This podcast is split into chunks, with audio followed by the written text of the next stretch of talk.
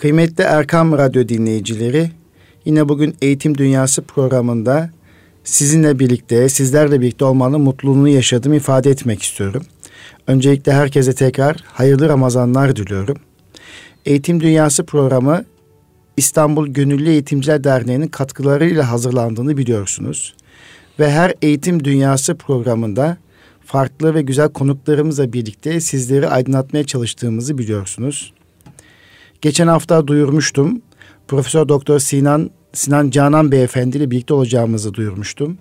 İşte bugün Eğitim Dünyası programında alanı uzmanı, beyin ve öğrenme üzerine çalışmalar yapan, araştırmalar yapan, Üsküdar Üniversitesi Psikoloji Bölümü öğretim üyesi ve aynı zamanda en beyin kurucusu Profesör Doktor Sinan Canan Beyefendi ile birlikteyiz. Birazdan inşallah keyifli sohbetimize başlıyor olacağız.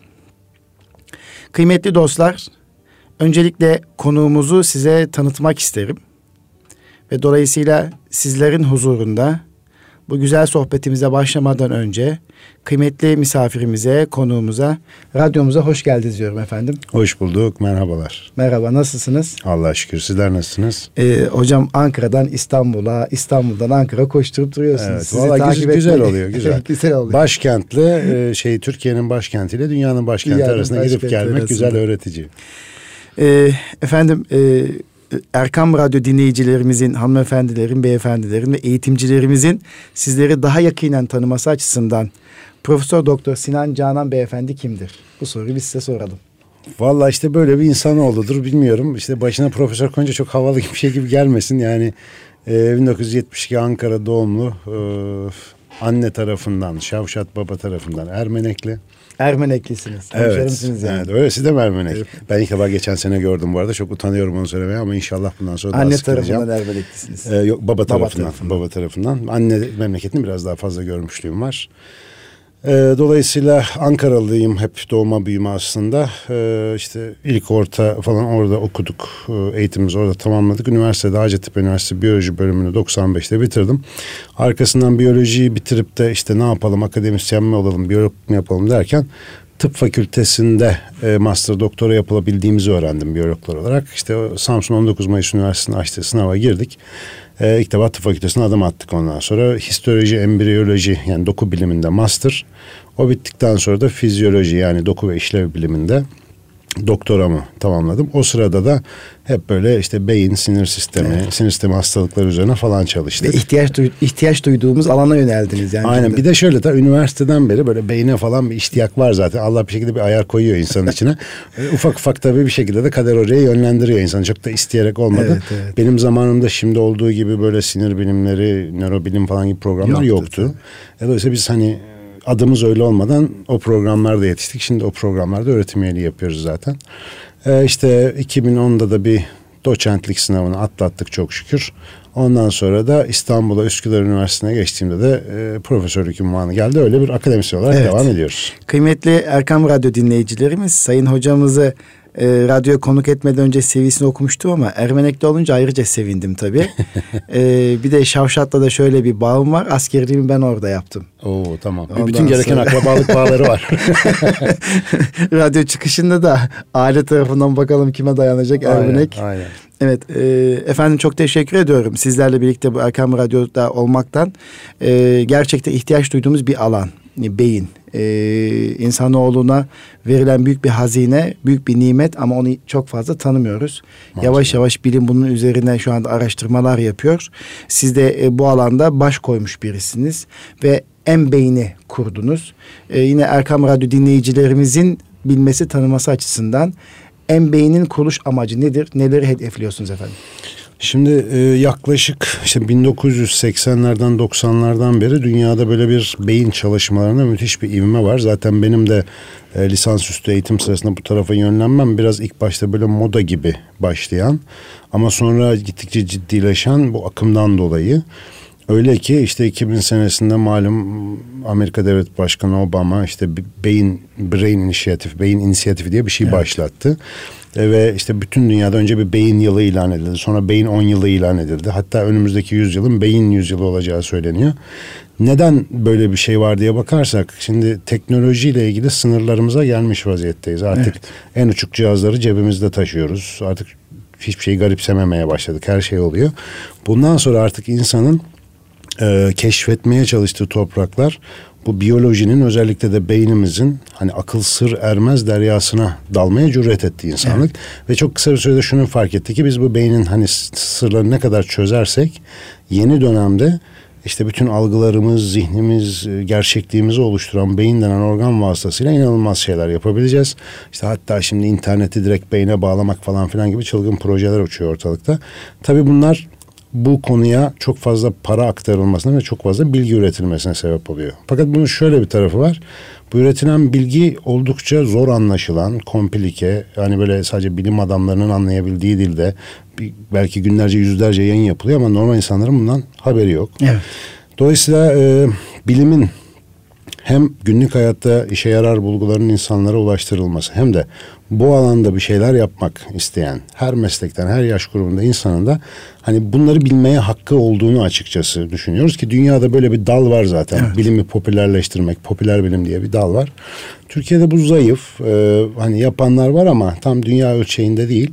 Özellikle işte bu az evvel zikrettiğim beyin bilimlerindeki gelişmeleri de sürekli takip edip anlatacak birileri olmadığı için evet. iş bize kaldı. Ee, işte diyorum ya Allah herkese bir değişik ayar veriyor. Ben de ortaokuldan beri konuşuyorum. Hiç çenem durmuyor. Evet. Devamlı bir anlatma halindeyiz. Ee, dedik ki işte bizim kuvvetli tarafımız ne? Anlatma üzerine odaklanalım. Ee, 2000 sanıyorum 7'den beri konuşuyorum. Ee, sürekli işte zor anlaşılan bilimsel konuları kendime hedef seçtim. Bunun içinde beyin de var, kaos teorisi de var. İşte beyindeki lisan, yabancı dil öğrenme falan işleri de var. E, Birçok konularda bir şeyler anlatıyoruz. Aslında siz her İstanbul'a geldiğinizde bir radyo programı yapalım efendim. Bunların hepsi ayrı bir başlık. Olur inşallah. Evet. Ben zaten dedim ya orijinal ayar konuşmak üzerine böyle çene yorulmuyor bir şekilde. Allah zeval vermesin inşallah. Böyle evet, hayır sağlık. konuşmayı evet, nasip hayır etsin konuşmayı diyelim. nasip etsin evet. Ee, işte bu de böyle devam ederken 2013 yılında da e, o zaman Hacettepe Üniversitesi'nden bir arkadaşımızla Serkan Kara İsmailoğlu ile beraber e, dedik ya bir şeyler anlatalım biz bu insanlara acaba dinlerler mi falan diye böyle beyinle ilgili o da çalışıyordu. İşte böyle bir sahne gösterisi tarzında bir şey düzenledik. Sonra çok büyük ilgi çekti. Biz o sene 50-60'ın üstünde üniversiteye gittik. Bayağı bir Türkiye turnesi gibi oldu. İşte bizim yaptığımız işe bilimsel stand-up diyenler falan da hmm. çıktı. Böyle hem eğlenceli komik oluyor hem de ilginç bilgiler paylaşıyoruz. Ee, tabii bu bir iki sene anlatmayla geçti ama anlatmakla sadece olmuyor. Daha sonra Anladım. talepler gelmeye başlıyor. İşte biz e, nasıl sizinle çalışabiliriz, hmm. bunu daha nasıl ilerletebiliriz falan gibi. E, ve şöyle de bir şey var açıkçası bizim birazdan konuşuruz. Temel görevimiz gaz vermek. Ee, bu gazı her yerde veriyoruz. Yani herkes sinir bilimine bir şekilde uğraşsın diye bize hukukçular geliyor, mühendisler geliyor, mimarlar geliyor. Biz de hani beyin ve alanımızın Tabii. ilişkisi üzerine çalışmak istiyoruz diye. Dolayısıyla bir araştırma merkezi gibi bir şey kurma ihtiyacı doğdu. En azından buluşma ihtiyacı. İşte 2014'ün ortalarından itibaren biz artık Ankara Gazi Osman Paşa'da bir e, ofisimiz, e, ofis tuttuk orada.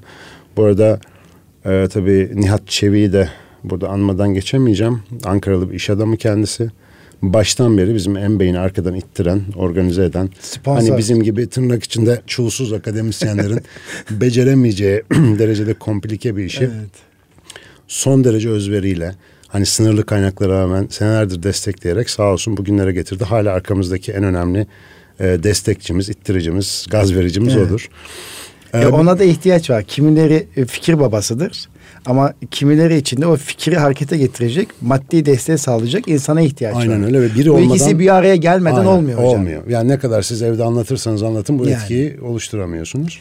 Peki bu en beyindeki başındaki en veya ne ifadesi Valla biz bunu ilk koyarken biraz da böyle bir ilhami bir şey olmuş herhalde. Çok da düşünmemiştik. Şöyle bir enin matematikteki işte bir sonsuz sonsuz ya da bütün ya da bilinmeyen falan gibi birçok içerimi evet. vardır. Bir de Türkçedeki en ve ne ikisinin beraber okunuşu hoşumuza gitti tek bir ne harfinin. Evet. Malum bazı televizyonlar isminde ne var ama en diye okuyoruz. Evet. Böyle hoşumuza gitti koyduk. Sonra e, bunu biraz daha irdeleyince e, bizim aslında insanlara anlatmaya çalıştığımız temel şey beyinlerinin nasıl çalıştığı, gerçekten ne işe yaradığını anlatmaya çalışıyoruz ve maalesef günlük hayatta biz onu yaratılış amacına uygun kullanamıyoruz. Evet. Bizim oluşturduğumuz yapay medeniyet beynimizin sadece hesap makinesine benzeyen kısmıyla ilgileniyor. Geri kalanıyla ilgilenmiyor. Evet. Duygular, hisler. Yani beynimizi hesap makinesi ötesinde çok fazla çok kullanmıyoruz. Çok fazla kullanmıyoruz. Bir de dertlenmek için kullanıyoruz. İşte hiç ya, yaşayıp yaşayamayacağımızı bilmediğimiz 50 sene sonrası evet. için eziyet çekmek eziyet için beyni çekmek. kullanıyoruz maalesef. E, dolayısıyla şöyle bir ayrımı e, açıkçası e, literatürden görüyorsunuz sinir bilimi çalışmalarına baktığınızda beynin sol ve sağ arasında bir evet. çalışma farkı var. Ve basitçe bunların ikisi aslında hep beraber çalışıyorlar da e, sol tarafın yaptığı iş esas olarak uzman olduğu iş konuşma ve yazma gibi otomatik faaliyetleri yönetmek. Aynı zamanda dış dünyayı da e, olduğu gibi algı şey olduğu gibi değil benzeterek algılamak. Evet. Mesela şuna bakıyor, şu nedir? Rengi kırmızıdır. Bu nedir? Efendim dörtgen bir şeydir. Bu kimdir? İşte erkektir, kadındır falan gibi etiketlemeler yapıp ne olduğunu söyleyen taraf evet. sol. Sağ taraf ise daha ziyade böyle sezgiler, hayal dünyası. duygular, hayal evet. dünyası ve biraz daha genel e, biz ona her şeyi Replik zekada sağ tarafta mı? E, Sağ taraf ağırlıklı. Şimdi ağırlıklı. onu birazdan tekrar evet. anlatayım. Aslında böyle tam bir ayrım yapmamız mümkün hmm. değil. Ben o ne'nin nereden geldiğini aslında evet. anlatmak için biraz abarttık biz bu farkı. Ve işte dedik ki sol taraf ne diye soruyor. Sağ taraf en genelini algılamaya çalışıyor. Hmm. Bu ne ile eni aldık bir araya koyduk. İşte onu da kare içine aldık ve en beyin diye bir şey evet. çıkarttık. Amacımız bu dünyada insanoğlunun kendini gerçekleştirmesi için en azından bilimsel olarak bilebildiğimiz yolları, yordamları insanlara herkesin anlayacağı şekilde anlatmak ve bunu evde denemelerini evet. sağlamak. Yani herkes kendi üzerinde denesin derdimiz bu.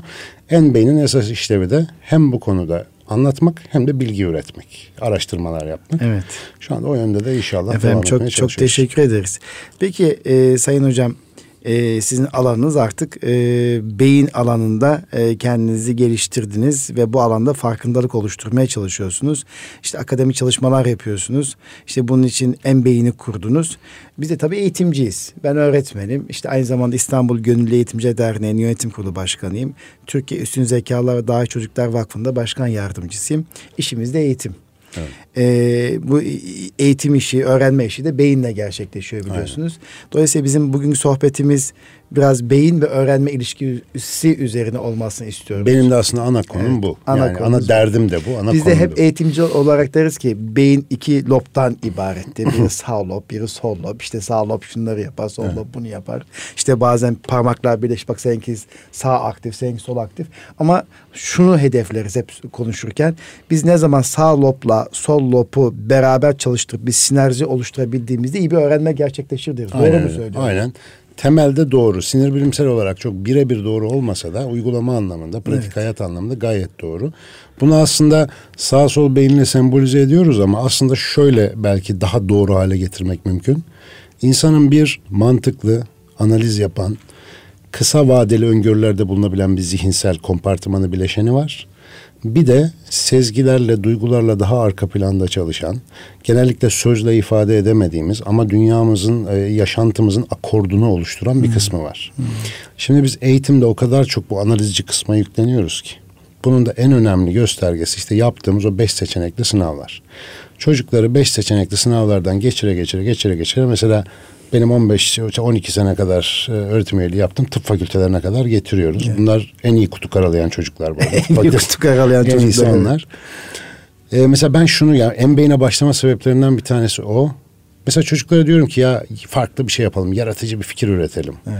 Dolup kalıyorlar çoğu. Değil mi? Onu fark ettim çünkü e, böyle bir ihtiyaç hiç e, verilmemiş, böyle evet. bir yöntem konuşulmamış. Hatta çocukken... Bizim eğitim sistemi sorgulamaya müsaade hiç, etmiyor sorgulamadan da öte belli bir hattın o beş seçeneğin dışına çıkma Çıkmayın. ihtiyacının olabileceğini kimse söylemiyor eğitim sırasında.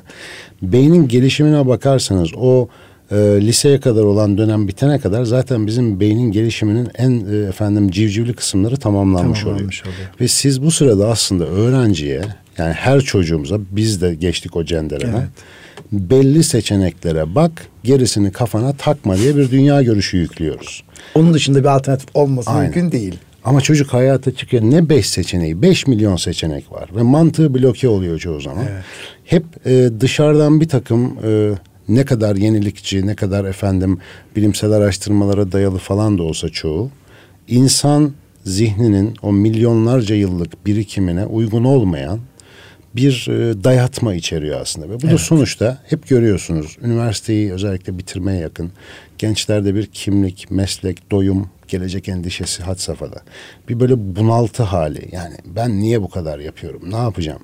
Ya da bunu yenmek için aşırı mala tamah, paraya tamah, evet. böyle işte efendim e, garip garip hedefler koymak, e, hayatını riske atacak e, risklere girmek gibi davranış bozukluklarına çok rastlıyoruz. Evet.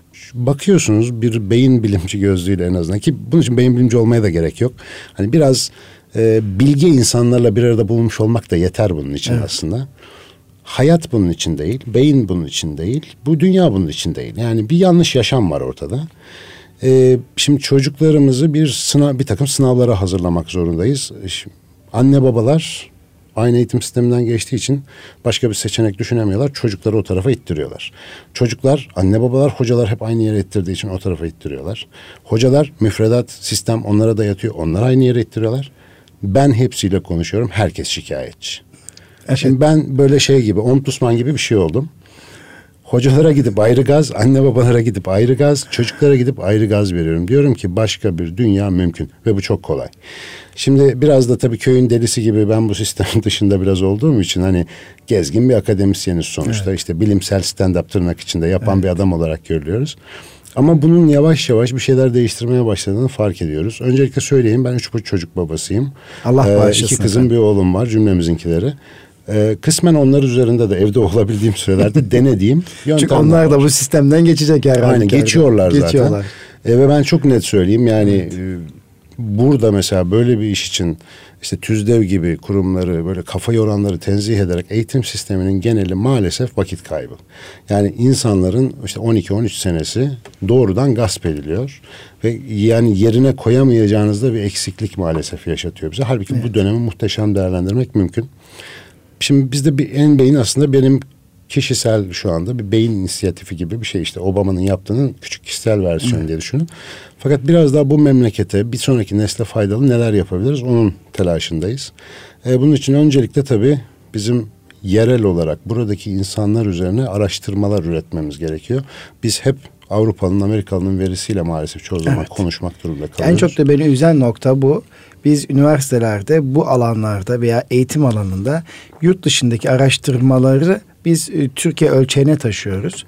E, ve ona göre çocuklarımızı değerlendiriyoruz. Ona göre müfredat geliştirmeye çalışıyoruz. Gerçekten buna çok üzülüyorum. Çok ben. fena. Şimdi Finlandiya örneği diye bir evet. slogan dolaşıyor de Finlandiya'da Finlandiyalı var. Yani, yani Finlandiya'nın bir geçmişi var. Buna işte sosyal bilimlerde izlek bağımlı diyorlar. Onlar bir yoldan geçmiş, biz yani. bambaşka bir yoldan Tabii. geçmişiz.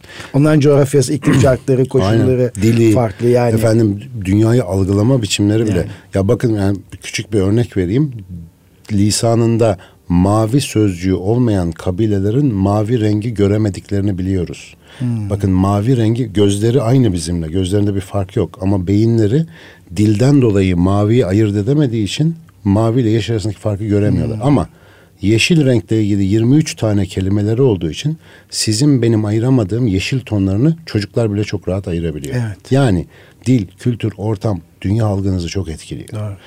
Bu basit örnekten hayatın geneline bakarsak ortaya dehşetli bir fark dizisi çıkıyor aslında. Ve bunun için yapılması gereken bütün dünyayı gezip de her şeyi alıp süzüp Türkiye'ye uyarlamak gibi bir şey boşa çaba. Buradaki insanın neye ihtiyacı Aynen. var? Aslında bunu anlamak çok kolay. Mesela beyin bilimleri bize bugün diyor ki benim her yerde reklamını yapmaya çalıştığım mevzu beyin analitik ya da mantıklı çalışan bir cihaz değil. Tam tersine duygusal ve sezgisel bir altyapıya sahip. Mesela öğrenme dediniz demin konu. Özellikle eğitimde en önemli sorunumuz biz bu çocuklara niye öğretemiyoruz? Evet niye ben bunu sordukları zaman şunu söylüyorum. Mesela herkese özellikle kalabalık sunumlarda bu daha keyifli oluyor. Herkese diyorum ki en eski hatırladığınız anınız nedir? Bir gidelim en eskiye. Kimisi beş yaşını, kimisi dört yaşını, bazısı iki, iki buçuk hatta bir o kadar düşen olay hatırlıyor. Çok nadir de olsa evet. oluyor. Hmm. Benim mesela bir anım var. Ee, babama anlattım dedi ki senin onu hatırlaman mümkün değil. İki buçuk yaşındaydın dedi. O Kıbrıs çıkartmasının olduğu zamanda dedi. Ben de düşündüm hani biliyorum iki buçuk yaşında pek beyin hafıza bölgeleri tam oturmadığı için normalde hatırlamamanız lazım. Fakat çok net hatırlıyorum çünkü korkmuştum. Hmm. Bu kadar erken anıları insanlara sorduğunuzda bu anıların tamamının duygusal olduğunu hmm. görürsünüz. Duygusal anılar çok derine kaydedilir beyinde. Adeta evet. oraya yakılır. Evet. Anladın mı? Hani böyle metalin üzerine yakmak hmm. gibi.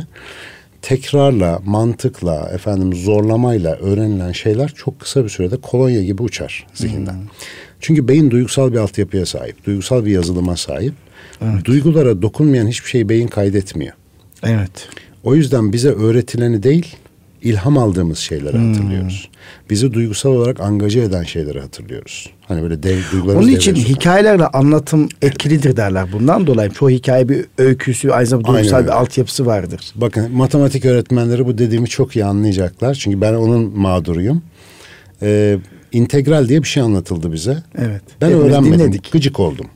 Yani saçma sapan formüller var. Ezber topla geç git.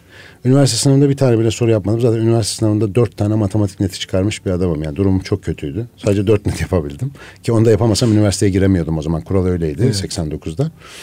Ee, üniversite bitti, master bitti. Doktora sırasında bir kitap okuyorum. Doktorada da çalıştığım konu beyin sinyal analizi diye çok matematiği ilgilendiren bir şey. Hmm. Maalesef sıfırdan matematiğe dönmek zorunda kaldım integralin nasıl bulunduğuna dair bir popüler bilim kitabında bir hikaye okudum. Adamın bir tanesi bir eğrinin altında kalan alanı hesap etmek istemiş. Bunu matematikçilerimiz iyi dinlesin değil mi? Aynen. Şimdi e, hesap etmek istemiş. Hesap edemeyince normal yöntemlerle integrali icat etmiş. Şimdi bunu okuduğum zaman şöyle bir durdum. Dedim ki yahu neden dedim lisedeyken bana işte eğri bir tahta parçası ya da karton parçası kesip vermediniz.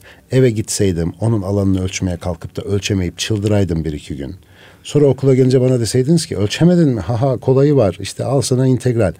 Beyin problem yaşadığı zaman çözümü özümser. Evet. Ama benim gibi bir çocuğa o dönemde hiçbir sorunu na çözüm olmayacak integral diye bir şey anlatıyorsunuz ve beyin bunu koyacak bir yer bulamıyor. Ve ne işe yarayacak? Aynen anda, öyle. Evet. Aynen öyle. Ve mesela diyelim düşün bir hani baraj inşa ederken bile kullanmanız gereken bir formül. Evet. Öyle bir e, zorunluluğum olsaydı ben onu sünger gibi emecektim o bilgiyi. Evet. İşte sorun... O zaman önce ihtiyaç hissettirilmeli. İhtiyaçta önce o duyguyla Aynen. verilebilir diyorsunuz. Önce duygu okunmak. Şimdi e, işte birazdan da konuşuruz mesela. Biz böyle öğrenci arkadaşlara çeşitli eğitimler, toplantılar. Benim bütün Türkiye'de anlattığım seminerlerde de insanlar bunu bilir. İşte bir yaz kampı yapacağız çocuklarımız için inşallah. Orada da aynı mottomuz var. Önce orayı sevmeleri, önce orada bulunmaktan hoşnut olmaları gerekiyor. Şart bir bu. Çocuklarımızın okula nasıl gittiğine bakın. Çoğu sürünerek gidiyor. evet tatil olduğu zaman çığlık atıyor. Aynen öyle ve ama birçoğumuz da seçtiğimiz mesleği sevdiğimiz öğretmene göre seçiyoruz. Evet doğru. Hangi öğretmeni seviyorsak onun dersini ve ileride onunla ilgili mesleği tercih ediyoruz. Bu oransal evet. olarak çok yüksek. Benim biyolog olma sebebim ben aslında edebiyatı çok severdim ama biyoloji hocamı çok sevdiğim için ben biyolog oldum. Sırf ona dört sene sonra son sınıftayken hocam ben biyolog işte mezun oluyorum diyebilmek için. Yani o da çok sevinmişti sağ olsun. O da beni pek severdi. Bu duygusal bir şey. Bunun analitik mantıksal bir açıklaması yok. Şimdi biz ne diyoruz çocuklara? Duygusal olma, mantığını kullan. Beyin açısından son derece anlamsız bir söz bu. O zaman yani e, gerçekten anlamsız bir söz duygusal olma, mantıklı ol tabirini aslında kullanmamak gerekiyor. Kullanmamak Çünkü gerekiyor. o duyguyla birlikte aslında sonra Aynen. mantık gelişiyor diyorsunuz. Aynen. Evet. Duyguyu okumayı öğretmek lazım. Ha, duyguyu okumayı öğretmek Aynen. Çünkü lazım. Çünkü duygular evet. da bir bilgi biçimi. Mesela bir insanla oturursunuz. O insanın yanından kaçmak istersiniz. Evet. Ama bir başka adamı görürsünüz dersiniz ki sarılasınız gelir. Ya şunu iki dakika çeksem de bir konuşsam böyle bir bu bir duygudur. Bunun evet. analitik bir karşılığı yoktur ve o duyguyu genellikle takip ederseniz onun sizi fark, e, farklı ve e, hayırlı bir tarafa götürdüğünü genellikle görürsünüz. Çünkü zihnimizdeki duygusal ve o sözsüz bilinç dışı mekanizmalar bugün sırrını çözemediğimiz kadar komplike ve detaylı bir çalışma sistemine sahip. O zaman burada şöyle bir giriş yapsam. Ben kısmen NLP ile de ilgilendim. Nöro Linguistik Program hı hı. diye e, kamuoyunda bilinen. E, orada e, bir daha önce şöyle bir şey duymuştum.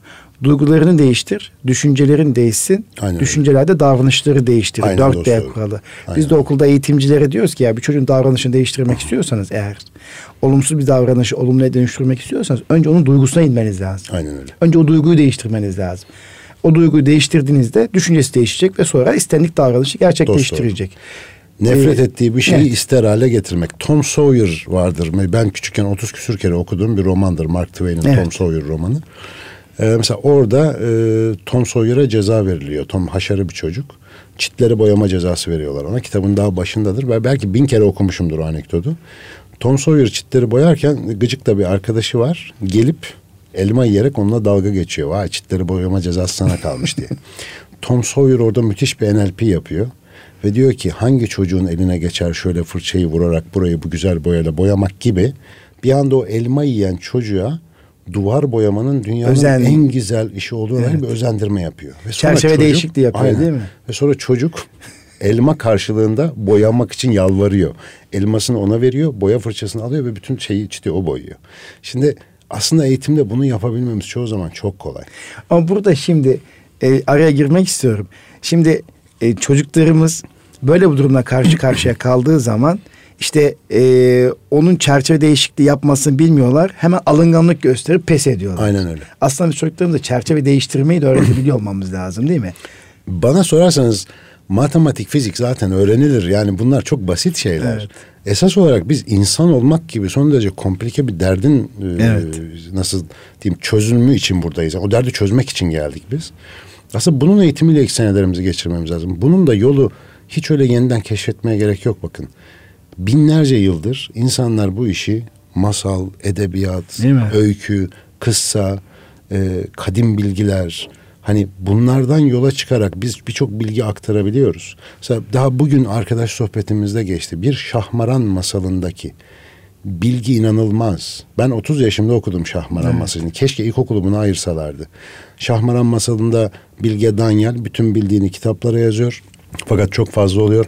Oğluna bırakmak için önce bir işte efendim bilmem kaç yüz sayfada özetliyor. Sonra on sayfada özetliyor. Sonra yarım sayfada özetliyor. Sonra da o yarım sayfayı çözebilmesi için ona bir işte kod bırakıyor. Mesela bir anahtar.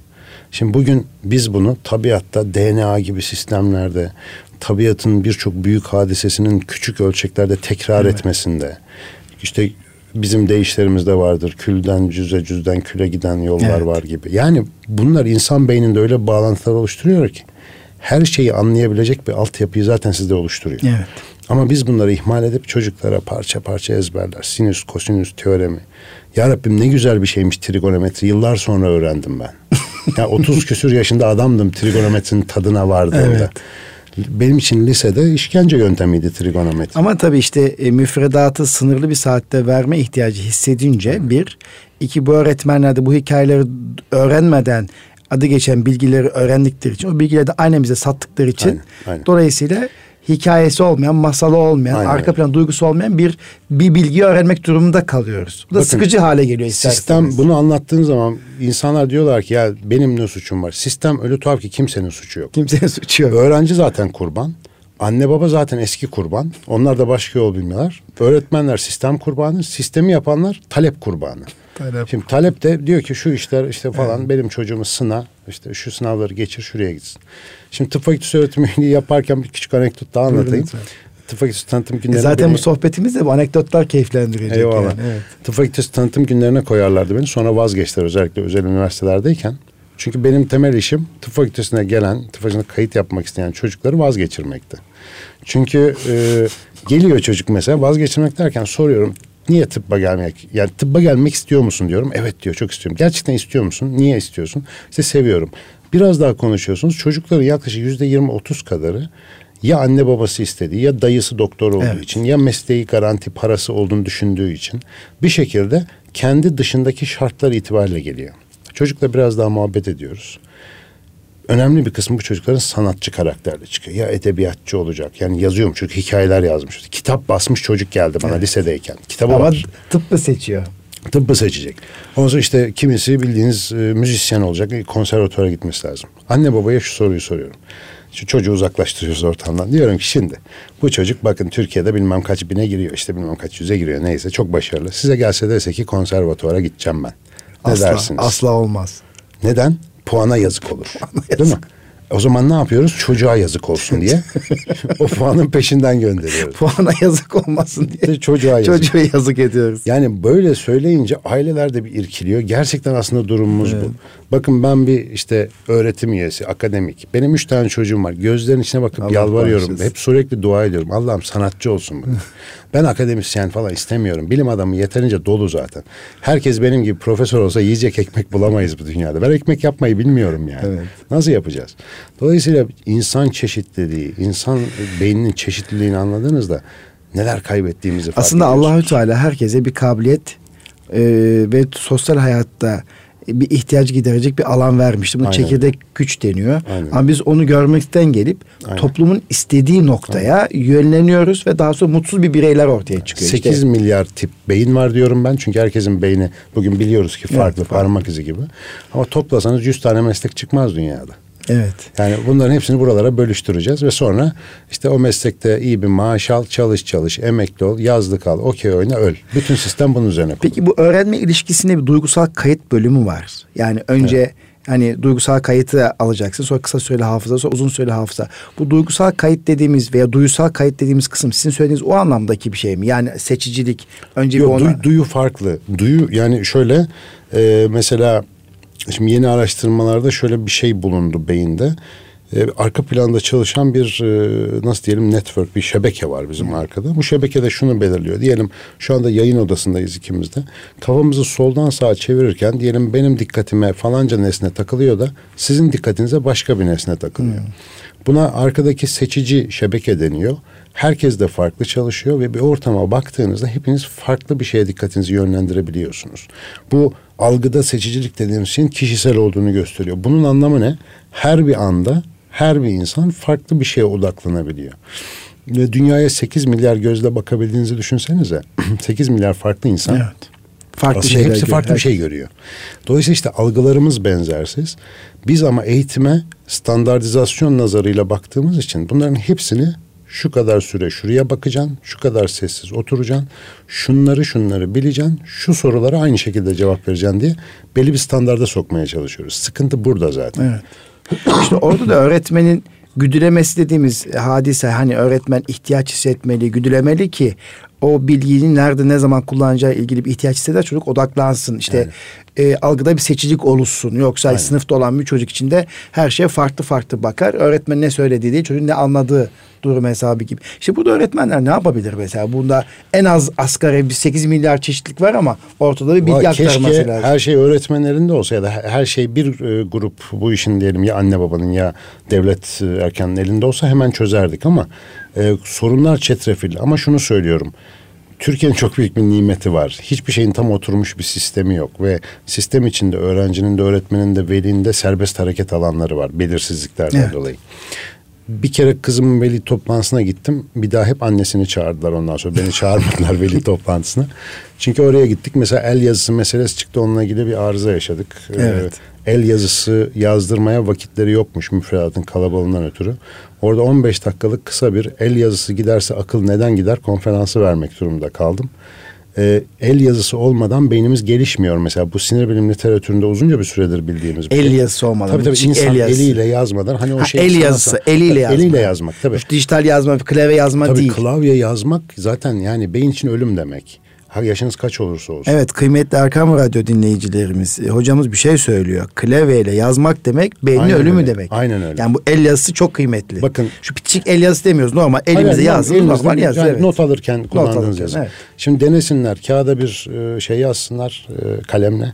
Bir de tutup mesela tebeşirle tahtaya ya da duvara bir şey yazsınlar. İki yazıyı karşılaştığında tipi çok benzer aynı kişi yazdığında. Çünkü o beyninizdeki bir yazı kalıbı vardır. Bir motor imaj denir buna. Hmm.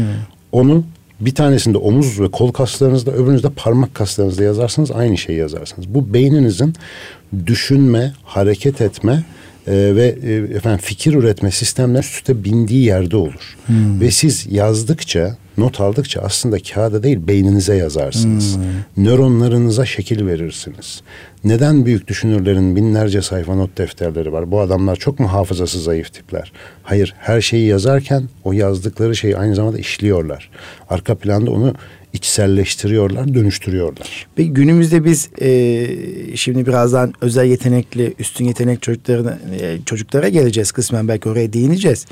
E, biliyorsunuz özel yetenekli çocuklar yazmak istemezler. Yazmaya evet. karşı genelde bir direnç gösterdiklerini evet. biliyoruz. Evet. Okullarımızda da görüyoruz. Tekten Koleji'nde çocuklarımızdan da bunu biliyoruz. Veya TÜZDEV'e gelen çocuklarımızdan da bunu biliyoruz. Bazen diyordu ki bize eğitimci klavyeyle yazsın hiç olmaz slide yapsın. Yani klavyeyle Word dosyası oluştursun. O da bir yazmadır diyorduk ama şimdi biz Pek hata değil. yaptığımızı düşünüyoruz. Pek değil. Ee, onu açıkça söyleyeyim. Şimdi teknoloji kolay bir alternatif olarak özellikle çocukları çok cezbediyor. Fakat eğitimde mesela ilk yönlendirme yapmamız gereken şey şunu unutmayalım. Teknoloji yani bu cihazlar 10 sene önce yoktu okullarımızda. Evet yoktu. Çok yeni. Ama bizim bu beynimiz 50 bin senedir bu dünyada bir şeyler yapıyor. Hmm. Biz 10 senelik alışkanlıklarla onu daha iyi eğiteceğimizi düşünüyoruz. Tabiattaki tasarımı anlamadan ona müdahale etmenin felaketleriyle doludur tarih. Bu da hmm. böyle bir müdahale. Özellikle çocukluk çağında bakın televizyon, aşırı televizyon seyretmenin çocukları otistik benzeri bir duruma soktuğunu zaten biliyoruz. Şu anda derdimiz zaten. Aynen büyük Tabletle derdimiz. Tabletle bilgisayar. Ee, bir uygulama gördüm dehşete düştüm. Okullara dağıtılan tabletler için yapılması düşünülen bir uygulama ağaçları tanıyalım diye. Ağaçlar koymuşlar böyle çocuk geçiyor tıklayınca yaprağın arkasını önünü çevirip bakabiliyor. Adeta öfkeden deliye döndüm bu uygulamayı görünce. Çünkü bahçedeki ağacı o sonsuz boyuta sahip o varlığı her biri benzersiz ama baktığınızda elma ağacı diye de tanıyabileceğiniz karakteristikleri olan o muhteşem varlığı iki boyutlu bir ekrandaki çizgi film karakterlerini indirgeyip çocuklara ağaç öğrettiğinizi düşünecek kadar kibirli bir hale gelmişsiniz demektir bu. Bu çok kötü bir şey. Evet. Ağacı tanımamak demek bu. Tabiatı bilmemek demek. Maalesef insanoğlu abartıyor her şeyde olduğu evet. gibi. Çocuklara teknoloji mesela bilgiye ulaşmak anlamında rehberlikli bir şekilde çok iyi öğretilmesi gereken bir şeydir. Ama bütün biyolojik fonksiyonlarını makineye irca eden bir insan makineleşir. Başka evet. bir şans yok. Hele ki gelişim döneminde. Çocuğun gelişim döneminde doğayla olabildiğince çok karşılaştırılması gerek. Tabiatın içine dokunan çocuk her açıdan sağlıklı büyür. Tabiatın Ve, içine dok- giren aynen. çocuk her açıdan sağlıklıdır. Bakın neden kızımın veli toplantısına bir daha beni çağırmadılar onu söyleyeyim size. Coğrafya öğretmeni dedim ki coğrafya dersini nerede yapıyorsunuz? Sınıfta. Dedi bu sınıfta dedi. Ha niye sınıfta yapıyorsunuz dedim. Bizim mesela dedim şu karşıda bir tepe var çıkın. Vadi gözüküyor. İşte tepe gözüküyor. Tü, ne o tümsek gözüküyor. Dedim orada dedim yapsanıza bunu. Yani Yamaç gözüküyor. Ben dedim değil. veli olarak izin kağıdı vereyim size. Zaten bizim evin karşısındaki tepe. Yani kurt yok kuş yok. Neden dedim okul bir şey kiralamıyor. Efendim gidip de bir atıyorum şeyde Ege'de bir ovada o kadar Kuşadası'na bilmem neye geziye götürüyorsunuz çocukları. Çıkarın tepesine. Alın efendim dürbünleri. Ben dedim veli olarak dürbün alırım çocuğuma. İzletin ve yerinde öğretin. Biyolojide bu çocuk kurbağa tuttu mu? Efendim bacakları derede ıslandı mı? Arı soktu mu? Sokmadıysa öğrenemez bu çocuk biyolojiyi. Bunu deyince tabii hocam işte müfredatta sıkışıkta falan bin tane şey öğreteceğine biyolojide bir kere arı soksun yeter. Ben aynı şeyi söylüyorum. Biyoloji tabiatta öğrenilir. Evet. Coğrafya tabiatta öğrenilir. Matematik sorun karşısında öğrenilir. Evet. Bunu öğretmenlerimiz yapabilir. Yeter ki kısa küçük inisiyatif aralıklarında inisiyatif kullanabilsinler. Evet. Onlar bunu yaparsa sonucu gören veli daha fazlasını talep Biz çok şey öğretmek isterken aslında hiçbir, hiçbir şey, şey öğretemiyoruz. Hiçbir şey öğretemiyoruz. Hiçbir Az şey ama öz olsun. Az ama öz olsun. Ve bakın bir sadece trigonometri bilen çocuk oradan her şeyi çıkarabilir. Ama bir on adam gibi bilsin. Şimdi tabiatla iç içe yaşasınlar dediniz. Ee, biz kırsal kesimlere işte Kayseri'de bulunduğumuz zamanlarda kardeş okullarımız vardı bizim Tekten Koleji'nin. İşte Sarız'a e, gidiyorduk, Felahiye gidiyorduk. İşte orada kırsal kesimdeki çocukların özgüvenden çok yüksek olduğunu biliyorduk. Ondan sonra e, girişimcilik, cesaret, işte atılımcılık vesaire böyle daha ve biz okula girdiğimiz andan itibaren bize hoş geldiniz diyorlar, karşılıyorlar. Hemen bir gidip çay yapıp demleyip getiriyor çocuk. İşte müdürüm birazdan gelecek böyle diyor. şeydir değil mi? Evet. Ama aynısını kendi okulumuzda, bir özel okulda veya işte şehir çocuklarında göremiyoruz. Korkular. Beton çocuğu diyoruz hocam ona biz. Beton, beton çocuğu. çocuğu. Aynen. Bazen diyorum ki bilim adamları kırsal kesimden çıkacak bu toplumun lider şahsiyetleri yanlış mı düşünüyorum? Bilim adamları değil, işte lider şahsiyet daha doğru. Evet. Yani toplumları bir cesaretle bir yere sürükleyebilen insanlar öyle yerlerden daha çok çıkma ihtimali yüksek. Biz korkuyoruz. AVM çocuğu sendromu diye bir şeyden bahsediyorlar şimdi. AVM çocuğu. Düz zeminde yetişen çocuğun denge duyusu gelişmiyor. Hmm. Neden? Biz engebeye ihtiyaç duyuyoruz. Doğal ortamda öyle dümdüz mermer zemin yok. Ama sürekli asfaltta betonda AVM'lerin o güzel parlak mekanlarında oynayan çocuğun denge duyusu zayıf oluyor. Denge duyusu zayıf. Dile evet. maruz kalmayan çocuğun dili gelişmiyor. Mesela evet. dil yeterince dil yeteneği gelişmiyor. Beyin doğduğu zaman ne yapacağını bilmeyen bir organ. Her şeyle karşılaştıkça öğreniyor. Mesela katarakt vardır bazen evet. doğuştan. Çocuğun kataraktını birkaç hafta içinde almazsanız beyin görmeyi öğrenemez ve sonra katarakta alsanız bile beyin bir daha görmeyi öğrenemiyor kritik dönem geçtikten sonra. Kör kalıyor ömür boyu. Yaşamın böyle kritik dönemleri var. Özellikle o ilk 6-7 sene çok mühim. Mesela herkes okuldan bir şey bekliyor. Esas anne babanın büyük görevi var. O ilk 6-7 senede çocuğa dünyanın zenginliğini üzerine yağdırması lazım. Ama biz bunu oyuncağa, teknolojiye evet. irca etmeye çalışıyoruz. Biz çok yanlış. İGEDER olarak İstanbul Gönüllü Eğitimciler Derneği olarak bir e, erken çocukluk kongresi yaptık uluslararası. Burada dikkat çekmek istediğimiz husus asıl eğitimin anne karnından başladığı ve 6 veya Birleşmiş Milletler'in tabirine göre de 8 yaşına kadardı. Asıl dönem burası. Biz bu dönemi Türkiye'de sizin biraz önce buyurduğunuz gibi verimli geçiremiyoruz. İşte anne baba bilinçsiz, bilinçsiz bir anne baba eğitim neler yapması gerektiğini bilmiyor. Sonra 3 yaşından sonra kreşlere veya yuvalara geliyor. Sonra okula geliyor. Orada da bir, bir müfredat var yine bir şeye bağlı, sınıflara bağımlı bir anaokulu çalışması var. E, hayat becerisi eğitimi neredeyse eksik böyle bir çalışma. Biz de diyoruz ki bu erken çocukluk döneminde şahsiyet gelişimini büyük sizde zaten eğitimciler de söyledi. Yüzde seksen, yüzde doksan bu e, yaş aralığında gelişiyor. İşte beyin gelişimi de herhalde değil mi? Bu yaş aralığını biraz önce söylediniz 14 yaşına kadar aslında. Ee, e, şöyle işte evet. kritik periyotta bir ilk 18 ay anne ile iletişim açısından çok önemli. 6-7 yaşına kadar olan süre bu bilişsel plastisite dediğimiz oyun döneminde gelişen evet. işte çocuğun oyun oynamasının gerektiği dönemler. Sonra çocuğun bilişsel ve ergenliğe doğru giden dönemi başlıyor zaten. Ergenlik döneminde de yavaş yavaş kişiliğin ortaya çıkması, sosyal kuralların öğrenilmesi dönemi var. İşte özellikle bu dönemde mesela edebiyatın, sanatın sevdirilmesi, çocuğun bu konudaki nasıl diyelim içinde varsa nüvelerin gıdıklanacağı evet. zaman bu zaman. Ya sonra, 6-14 yaş tabii, arası. Sonra ergenlik çağı evet. geliyor. Çocuk mesela tamamen artık toplumda nasıl bir birey olacağı 10 işte 10-20 yaş arası kabaca. Bu dönemde o şekillenmeye başlıyor. O dönemde zaten davranışsal arızalar bedendeki değişiklikle evet, beraber çocuğun tabii. çoğunun hayatı alt üst olur. Evde işte arızalar başlamaya başlar. Bu dönem ise hem anlayış, şefkat hem cesaretlendirme dönemi olmalı çocuklar için. Yani her şeyi yapabilmeye, e, her şeyi yapabilmelerinin mümkün olduğu e, şeyi verilirken eğitimi aynı zamanda onlara yol da açılmalı. Şu şu şu imkanlar.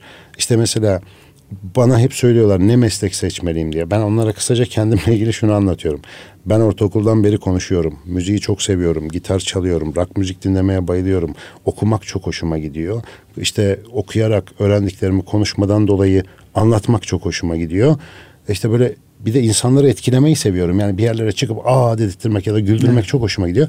Hepsini birleştirip mesela şu yaşımda en beyin diye bir şey yaptım.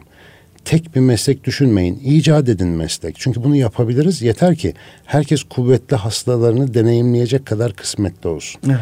Maalesef çoğu insan bunu yakalayamayabiliyor. Mesela ben muhtemelen kısmetli adamlardan biriyim. Yani böyle bir imkanlar doğdu hepsini deneyebilecek.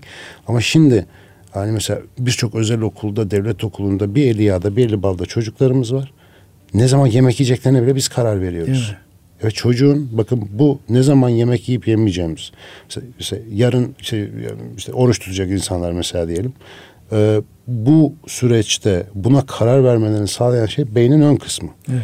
Eğer siz bu kararı o insana bırakmazsanız ön kısım gelişmiyor. Biz neden bütün dinlerde oruç pratiği var?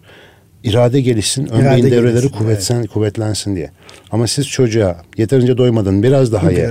Ya da şu saatte ye, şu kadar ye, Aç bu kadar yeme. daha derseniz tabii. Evet. Siz artık çocuğun frontal korteksinin yerini alırsınız. O çocuğun beyni gelişmez. Gelişmez. Gelişmiyor da ve sonra işte erişkin çocuklarla Sen ne zaman acıktığını bilmezsin. Değil mi? De o mesajı Aynen öyle. Sen acıktığını bilmezsin. Aynen öyle.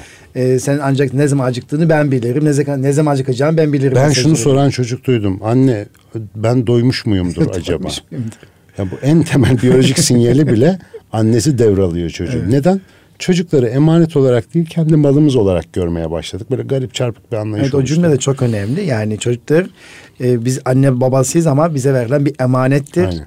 Evet eğer onu biz e, tek sermayemiz olarak görecek olursak o zaman aşırı büyüklenme oluyor. Çocuk kendisini geliştiremiyor. Hazreti Ali'nin bir sözü çok çok mühim buluyorum ben. Çocukları kendi zamanınız için değil onların zamanı için yetiştirin evet. diye bir sözü var. Bize e, önemli bir söz. Biz de çok evet. sık kullanırız. Çocuklarınızı yaşadıkları çağa göre değil, yaşayacakları çağa göre evet. hazırlayınız. Evet. İşte bizim eğitim müfredatımız veya eğitimcilerimiz bu gelecek tasarım yapmaktan gerçekten uzaklar hocam. Üniversiteler de buna dahil. Evet. Ya ben açıkçası hani çok sert bir şey söylemeyeyim şimdi ama hiç farkımız yok ki. Yani üniversitenin bir özelliği de yok. Yani evet. liseler nasıl, ortaokullar nasılsa. Bir yani lise. Falanca bir devlet kurumu nasılsa orası evet. da öyle. Yani hepimiz maalesef e, nereden geldiğini bilmediğimiz bir takım cenderelerin içinde sıkışmışız. İşte o yüzden mesela Embeyin gibi bir şeye ihtiyaç olduğunu evet. düşünüyorum ben. Hani böyle bir şey cüret etmemin sebebi bu. Ben şimdi herhangi bir kuruma bağlı değilim, serbestim.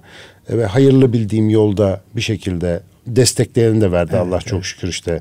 E, Brandway şirketi de arkamızda habire ittiriyor, habire yapmap diye. Hocam o destek önemli çünkü Aynen. bu alan bence siz dediniz ya gelecek yüzyıl için en önemli alan beyinle ilgili araştırmalar Aynen. dediniz. İnşallah bu alanda Türkiye'nin e, önce olması isteriz. Ben Sizin bu arada şey de söyleyeyim. insanın milli düşünen bir insanın, bir eğitimcinin, bir akademisyenin bu alandaki çalışmaları da bizi gururlandıracaktır. İnşallah. Biz de her türlü desteği vermeye Nefesimiz hazırız. yettiği kadarıyla yapacağız. Zaten şu anda en fazla eğitim kurumlarıyla teşviki mesaimiz var. Çünkü en çok onlar alanda bu derdin farkındalar. Yani beyne eğitim verip beyin karşısında çaresiz, çocuk beyni karşısında çaresiz kalan binlerce insan. Bizim mesela bir eğiticilerin eğitim programı var. Yani resmen duygusal bir e, hadiseye dönüşüyor. Çünkü benim beyin anlatmama aslında çok gerek yok. Herkes bu dertleri biliyor ama evet. anlattığımız zaman diyorlar ki ya işte bundan dolayı ve beraber çözüm geliştirmeye çalışıyoruz. Şu anda birçok okulla şeyde değişik uzunlukta programlarla görüşüyoruz. Strateji toplantıları yapıyoruz, planlar yapıyoruz. Yani bunu ülke satında aslında bir beyin tabanlı eğitim falan gibi böyle bir havalı ismi bile olmadan bir şeye dönüştürmeye çalışıyoruz aslında. Ama şu anda yaygınlaştı biliyoruz. Şu anda e, Google'ı yazdığınızda beyin tabanlı öğrenme Aynen. diye bir e, şey var. Maalesef onu da bu isim altında formüllere indirgeyen çok yaklaşım var. Sulandırdık mı diyorsunuz? Be, beyin formül sevmez ama biz formüle bayılıyoruz. yani al, alışık olduğumuz sistem beş seçenekli. Tekrar evet. hatırlatayım. Şunu şunu, e, şunu oradan yap. geldik. Genetiklerimiz ona müsait. Aynen, o kadar aynen, konuşabiliyoruz. Aynen. E, şeyi soracağım. Hani özel yetenekli çocukların e, IQ'leri yüksek olan çocuk, evet. 130 ve üzeri olan çocuklar işte dahiye kadar yükseliyor zaten haliniz bilirsiniz. Ben hep şunu merak ediyorum eğitimci olarak yani normal zekalı çocuklar ile e, üstün yetenek çocukların beyin gelişimi farklılık var mıdır? Nedir orada var. şey o anlamda? Ee, yani hepsi için genel bir kural koymak tabii mümkün değil. Çünkü zekanın tipleri, ortaya çıkış biçimleri çok gene her çocukta birbirinden farklı. Yalnız ben şöyle bir şey görüyorum. Benim birkaç tane özellikle geçtiğimiz senelerde beyinle uğraştığım için bu üstün zekalı çocuklarla ilgili çalıştaylara, toplantılara falan evet. çağırıyorlar. Artık onları da çağırmıyorlar çünkü orada da e, bazı e, hani çok ana akıma uygun olmayan görüşlerimi beyan ettiğim için şöyle söyleyeyim. Anne babalarda ben şöyle bir şey görüyorum. E, çocuğum mesela üstün zekalı diye böyle bir hani havaya girme. Bir, bir böyle ha evet. de farklı bir hava oluşuyor ve çocuğa bir şekilde bunu yansıtıyorlar. Şimdi bunun birkaç tane tarafı var. Öncelikle beyinsel olarak ortalamanın üstünde bir zekaya sahip olmak toplumsal açıdan bir arızadır. Çünkü o çocuk var olan sisteme uyum sağlamakta hep zorluk çeker. Siz bunu bilirsiniz. Evet. Dolayısıyla aslında sorunlu bir çocuğa sahip olmuşsunuz demektir. Birincisi bu. Birincisi bu. Evet. İkincisi bu çocuğa bunu yansıttığınızda toplumun zekaya daha doğrusu spontan icata verdiği değerden de dolayı çocukları otomatikman tembelliğe itiyorsunuz. Çünkü çocuk kendisini zaten Aa bana işte setup'ta bu verilmiş tamam benim demek ki başka bir şey yapmama gerek yok gibi bir algı oluşmaya başlıyor. Evet. Yahut çocuğun ruhuna eziyet eden aşırı beklentiler evet. altına sokulmasına sebep oluyor. Bunların üçünde biz hem TÜZDEV'deki velilerimizde veya işte Tekten Koleji olarak da bizim özel yetenek çocuklarımızın sınıfı var. Orada zaman zaman görüyoruz. Bu üçü de doğru. Aynen. Ve bir de aşırı beklentiye giriyorlar. Çocuk hafiften bir başarısı olduğunda kaybettiğinde veli kesinlikle hazmedemiyor. Aynen. Kabullenemiyor. Hocaları Sa- suçluyor Hocaları bazen. suçluyor. Evet. Eğitim sistemini suçluyor. Bunu bizzat şahit şahit oldum ben. İşte bir de her alanda başarılı olsun. İşte sözel alanda ama sayısal alanda işte resimde, müzikte e, yani neye girerse girsin. Bir de bu tip çocuklar zaten kaybetmeyi sevmiyorlar. Yani mükemmeliyetçi yapıları da var. Kaybedecekleri bu durumla karşı karşıya kaldıkları zaman da sosyal duygusal gelişimleri de biraz geriden geldiği için öyle tahmin ediyorum. Aynen öyle. Hemen alınganlık, küsme davranışı veya hırçınlaşma veya hemen sertleşme şeyler de görünebiliyor. Aslında bu süreçte özel yetenekli bir çocuğa sahipseniz eğer önce anne babayı bir eğitmek lazım. Kesinlikle katılıyorum. Siz de bu en önemli evet. en önemli şey bu. Aslında üstün zekalı çocuğun sorunu yok. Etrafına itebilirseniz. Etrafına eğitebilirsiniz. Onun etrafındaki yani hocaları, anne babası, yakın çevresi, arkadaşları dahil olmak üzere. Çünkü o çocuk farklılığın sıkıntısını yaşayacak ömür boyunca. Bizim e, işte üstün zekalılar diye bir konseptimiz olmadan önce e, bu çocuklar şimdi e, şöyle söyleyeyim önce bu üstün zekalık aslında Asperger ve otizm spektrumu duruma çok benziyor beyinsel olarak. Evet. Ve bu çocuklar belli bazı yetenekler açısından diğerlerinden daha keskin ve hızlı odaklanabiliyorlar. Mesela bazıları çok hızlı ezberliyor, bazıları motor işlerde çok iyiler, bedensel işlerde bazıları İlgi duydukları alanda Aynen. çok süper iş çıkartıyorlar. Aynen. Evet, ona odaklanıyor. Ama İşte onun dışındaki hiçbir şey görmüyorlar. Asperger sendromunun temel bir özelliğidir. Mesela Aspergerler işte benim bir arkadaşım var mesela Enbey'inde beraber de çalışıyoruz. Mesela bir yani günde beş kitap okuyabilir ve kitapları kapaktan kapağa içi iki üç kez okuyabilir. Her okuduğunu hatırlayabilir. Ee, tipik bir Asperger'dir ve bu adam aslında bir dahidir bir de bir taraftan. Hani bu açıdan. Fakat başka sorunlar oluşuyor hayatta. Şimdi bir tarafa ağırlık verdiğin zaman işte sosyal ilişkiler, diğer insanlarla iletişim ve bu insanları mutsuzluğa itiyoruz aslında sadece bu kapasitelerine yüklenerek. Bütün anne babalara bir şey hatırlatmak isterim. çok önemli Erkam Radyo dinleyicilerimiz. Evet, Evet, çok çok önemli bir şey söyleyeceğim. Biz beynimizin yaptığı bazı işleri yeterince hızlı yapamadığımızı düşündüğümüz için daha hızlı yapsın diye bilgisayar diye bir şey icat ettik. Mesela hesap kitap işlerini şu anda bilgisayar saniyede milyonlarca işlem yapıyor. Ama biz hızlı işlem yapıp hızlı sayı ezberleyip hızlı olarak aklına bir sürü bilgi tutabilen çocuklarımızı üstün görmek gibi garip bir halin içerisindeyiz. İnsan beyninin görevi bilgisayarlık yapmak değil. Evet. O başka bir şey için burada. O çocuğun o üstün yeteneği gerçek insana doğru giden yolda ona başka bir avantaj vermeli. Ona ayağına çelme olmamalı. Ama bizim o neden beni üstün zekalar çalıştaylarından falan çağırmıyorlar? Şunu söylüyorum orada. Diyorum ki ya üstün zekalı zaten adı üstünde. Bu çocuğun bir şeyi üstün. Siz bunlarla bir şey uğraşmasanız da bu kadar bak çalıştay yapıyorsunuz, para harcıyorsunuz. Benim gibi normal ya da normal altı zekalı bir sürü çocuk var bu ülkede. Yüzde seksenini doksanını bunlar oluşturuyor. Bunlar eğitim yüzünden affedersiniz geri zekalı hale geliyorlar. Yani eğitim bizim üstümüzden silindir gibi geçiyor. Şu ayırdığınız kaynağın bir kısmını da normal olup eğitim mağduru olan çocuklara ayırsak olmaz mı diye ısrar ettiğim için. Çünkü bu ülkenin esas sorunu aslında o. Üstün zekalarında aslında sorunu çözmek o çocuklarla uğraşarak olmayacak. O çocuk O çocukları sadece etrafındaki anne Aynen. babaları biraz kenara bıraksa Aynen. kendi bir şey yapacak sevdirin, aslında. Ona sevdirin öğretmek istediğiniz şey o zaten onu halleder. Çünkü o çocuk duygusal drive, duygusal e, bir motivasyon olduğu zaman zaten gidiyor bir şekilde. Ama orada çok önemli bir şey söylediniz. Özel yetenekli çocuklar için, gerçi herkes için geçerli ama özel yetenekli çocuklar için duygusal e, gücü, ittirici gücü çok iyi verebiliyor olmamız. Onu verdiğimiz zaman Aynen inanılmaz keyifli işler Aslında bu her insan için geçerli. Üstün zekalının avantajı ne? E, ya da üstün yetenekli çocukların onu aldığı zaman çok daha hızlı bir işlemsel kapasiteyle daha hızlı yol alabiliyor. Mesela tarihteki bildiğimiz dahilerin hepsi motivasyonel bir faktörle yola çıkıyor ve çoğunun arkasında anne öyküsü var. Cesaretlendirici, Cesaret. çalışmayı sevdirici. Hani Bakın, var ya bir bilim adamına işte ismini hatırlayamayacağım. Eve geldiği zaman annesi şu soruyu soruyormuş. Bugün öğretmene ne sordun? Öğretmenin sana ne sordu değil. Bugün öğretmene sen ne Aynen, sordun? Aynen. O. Edison'un Edison annesinin e, bir mektup hikayesi vardır. Okuldan mektup geliyor. Edison'un annesi mektubu okuyor. Diyor ki işte ne yazıyor? Diyor ki işte e, işte bayan bilmem ne çocuğunuz çok harika, muhteşem, süper bir zekaya sahip falan filan. Ondan bir tane daha yok falan gibi işte mektubun içeriğini söylüyor. Edison oradan aldığı gazla gidiyor falan. Seneler sonra annesi vefat ettikten sonra yıllar sonra ama o mektubu buluyor bir yerde. Ve mektupta şey yazıyor. İşte bayan bilmem nesi ne olmuş gerizekalı. Hani okuyacak durumu yok.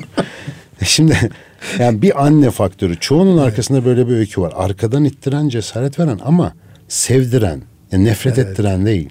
Yani onun e, biricik bir varlık olduğunu ona sürekli... Annenin görevi şefkat göstermek zaten. Çocuğa bilişsel koçluk yapmak değil. E, dolayısıyla bunu yapabilen e, her aile mutlu oluyor üstün zekalı çocuklar. Evet. Yani o aslında çok büyük bir sorun değil. Evet. Bizi biraz e, modern kabullerimiz açık sıkıntıya sokuyor diye düşünüyorum. Hocam e, süremizin yine sonuna geldik ama çok keyifli bir sohbet ettik. e, umarım Erkam Radyo dinleyicilerimiz bugünkü Eğitim Dünyası programından e, çok keyif almışlardır. Öncelikle zaten size teşekkür ediyorum. Özel yetenekli çocuklar gündeme gelmişken e, malum e, embeyin olarak e, Türkiye Üstün Zekalılar ve daha çok da vakfı yani TÜZDEV ile işbirliği içerisinde evet. e, bir Türkiye kampı yapıyorsunuz Hı-hı. ve büyük bir sloganla çıkıyorsunuz. Çocuklarınızın beyni bize emanet diye. Evet.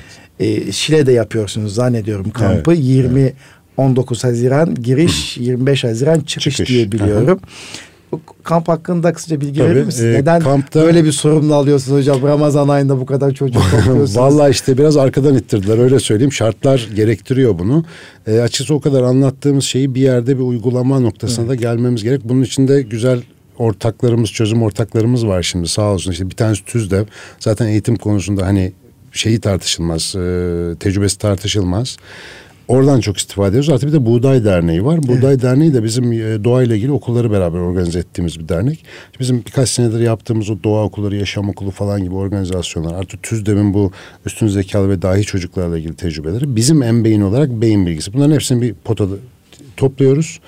Ee, Şile'de yapacağımız kampta gelen işte 7-14 yaş arası çocuklarımıza biraz önce anlattığım şeyleri yapmaya gayret edeceğiz. Onlara sevdirmeye çalışacağız. Öğrenmeyi ve deneyimlemeyi. Evet. Her yaş grubunun ihtiyacı farklı. Mesela ben bir e, müzisyen arkadaşımızla beraber bir atölye yapıyorum. Ben orada olacağım kamp süresince. E, çok da heyecanla bekliyorum. Çünkü çocuklara şunu göstermek istiyorum. Yani sadece bilim adamı ya da sadece müzisyen ya da sadece bilmem neci, overlockçu olarak yaşanmaz. Yani insan çok karmaşık bir şey. Birçok şeyden anlayabilirsiniz ama hayatınızın ekseninde bir fikriniz olsun. Çocuklara bunun bir tadını tattırmaya çalışacağız. Bir işte doğada sesleri dinleyeceğimiz, o tabiatın bir seslerinden. dinleme dediğiniz tabii, bir mesele var. Bir, o, Çok merak Ben ettim. onu birkaç sene önce deneyimledim. Bizim yaşam okulunda yaptığımız hmm. bir şeydi. Ve çocuklarımızın bunu hakikaten deneyimlemesini çok isterim. Hayatımda ilk defa ben o kadar ses duydum mesela 40 yaşımda. Hmm. Şöyle bir seçici dinleme diye bir egzersiz o ve çocukların genellikle hoşuna gidiyor. Benim e, oğlum ve kızım da katılmıştı. Hala unutamadılar o deneyimi. Onu e, işte yine arkadaşlarımız yapacaklar orada. Efendim e, dinozorlarla ilgili arkeoloji atölyelerinden tutun da. Ki özel yetenek ee, çocuktan çok keyif aldı. Aynen alan. öyle. Ki burada özellikle de beyin bağlamında evet. hani o dinozor beyniyle bizim beynimizin farkı nedir falan. Biraz onları da konuşarak. Yani burada amaç çocuklara bilgi tıkmak değil. Çünkü zaten evet. yeterince bilgi dolduruluyor. Biz bilmeyi, hikmeti sevdirmek istiyoruz çocuklarımıza. Bilmeyi ve hikmeti sevdirmek Aynen öyle. Filosofya kelimesi buradan geliyor musunuz? Bilgi, Filosofya. bilgelik sevgisi evet. demektir. İnşallah aralarında birkaç felsefe çıkar da ileride bizim hayatımızı kurtarır. E, kampa girişle çıkış arasında bir röportaj bir şey yapmayı düşünüyor musunuz? Öyle bir şey var mı? Yani çocuklar ne bekleyerek geldi? Çıkışta böyle bir şey Biz var zaten mı? Şöyle, Çok, çünkü ilk defa yapıyorsunuz. Tabii tabii. İlk defa ee, bizim için de zaten evet. bir alan ölçümü öyle diyeyim. Biz aynı zamanda veri toplayacağız buradan ve bunu sürekli yapma niyetindeyiz. Senede Kamp iki gibi herhalde 150 var. öğrenciyle sınırlı diye biliyorum. Evet 120, ben. Bütün Türkiye 120 açık, öğrenci evet. sınırımız var. Az kaldı dolmaya bu arada. Ee, şimdi her bir çocuğumuzu zaten fazla sayıda eğitmenimiz ve gözlemci öğrencimiz var. Onlar zaten sürekli çocukları takip edecekler. Anne babalarıyla direkt kontakta çocuklar hakkında bilgi alarak devam edeceğiz ve kampın sonunda da hem çocuklar hakkında bir raporlama ve bilgilendirme hem de anne babalara da bir ufak e, tavsiye niteliğinde e, bir şeyimiz olacak, bir buluşmamız olacak onlarla. E, açıkçası bir de şey bu sadece kampla sınırlı bir aktivite değil. Kampın sonrasında etkinlikler şeklinde e, işte belli periyotlarla ailelere istedikleri takdirde ulaştıracağımız buradaki deneyimi ömür boyu sürecek bir tatlı tecrübe olarak hatırlamalarını sağlayacak. Evet. Bir takım şeylerimiz de var. Ek e, aktivitelerimiz de var. Bunların hepsiyle tek bir amaç var. Beş yıl geçtikten sonra bu kampa gelen çocuklarımız ya biz beş sene önce çok güzel bir şey yapmıştık. Bu yaptığımda ona benziyor ben bunu yapayım hmm. desin duygusal beyne bir çapa atmaya hmm. çalışıyoruz. Ve bu inanın dünyanın en kolay şeyi. Eğer siz seviyorsanız çocuk da sizi görünce sizi seviyor. Bu kadar kolay. Peki nereye başvursunlar? Nasıl Bizim başvurabilirler? dinleyicilerimiz. Tabii evet. ebeveyn.com.tr adresimizde iletişim bilgileri var. Oradaki telefon numaralarına yahut bizim işte 2015 yılında geçen sene kurduğumuz ENZEA Zihin Eğitim Araştırmaları hmm. Merkezimiz var Ankara'da. Onun e, www.zihineğitim.com diye bir sitesi var. Hı hı. E, oradan yine başvurularını yapabilirler. E, bu özel birçok istek oluyor. Onun için de oradan telefon açmalarını öneririm. Mesela toplu halde katılacak çocuklarımız olursa hmm. kontenjan müsait olduğu takdirde onlarla ilgili eğitmen, hmm. ilave eğitmen falan hmm. olabiliyor. Hmm. O konular için telefonla temas ederlerse arkadaşlarımız evet. bilgi verecektir. Evet efendim ben çok teşekkür ediyorum. Keyifli bir sohbet geçirdik. Ee, kıymetli Erkam Radyo dinleyicilerimiz bugün Profesör Doktor e, Sinan Canan Beyefendi ile sohbet ettik. Beyin ve öğrenme üzerine sohbet ettik ve keyifli e, bir sohbetimiz gerçekleşti. Ardından da beyniniz bize emanet diye çocuklarımıza seslenişleri vardı ve onunla ilgili bir kamp düzenliyorlardı. O kampla ilgili bilgi aldık. Sayın hocam çok teşekkür ederim. Ben teşekkür ederim. Çok bir keyifti. Sağ olun. sağ olun. İnşallah yine İstanbul'a geldiğinizde bu keyifli sohbeti Her zaman. bütün Türkiye nasiplensin diyorum. Gerçekten inşallah. Bir akıcı bir sohbetiniz vardı. Ee, kıymetli Erkam Radyo dinleyicilerimiz bugün yine İGEDER'in İstanbul Gönüllü Eğitimciler Derneği'nin katkılarıyla hazırlanan Eğitim Dünyası programımız sona ermiştir. Hepinize teşekkür ediyorum. Kalın sağlıcakla diyorum efendim.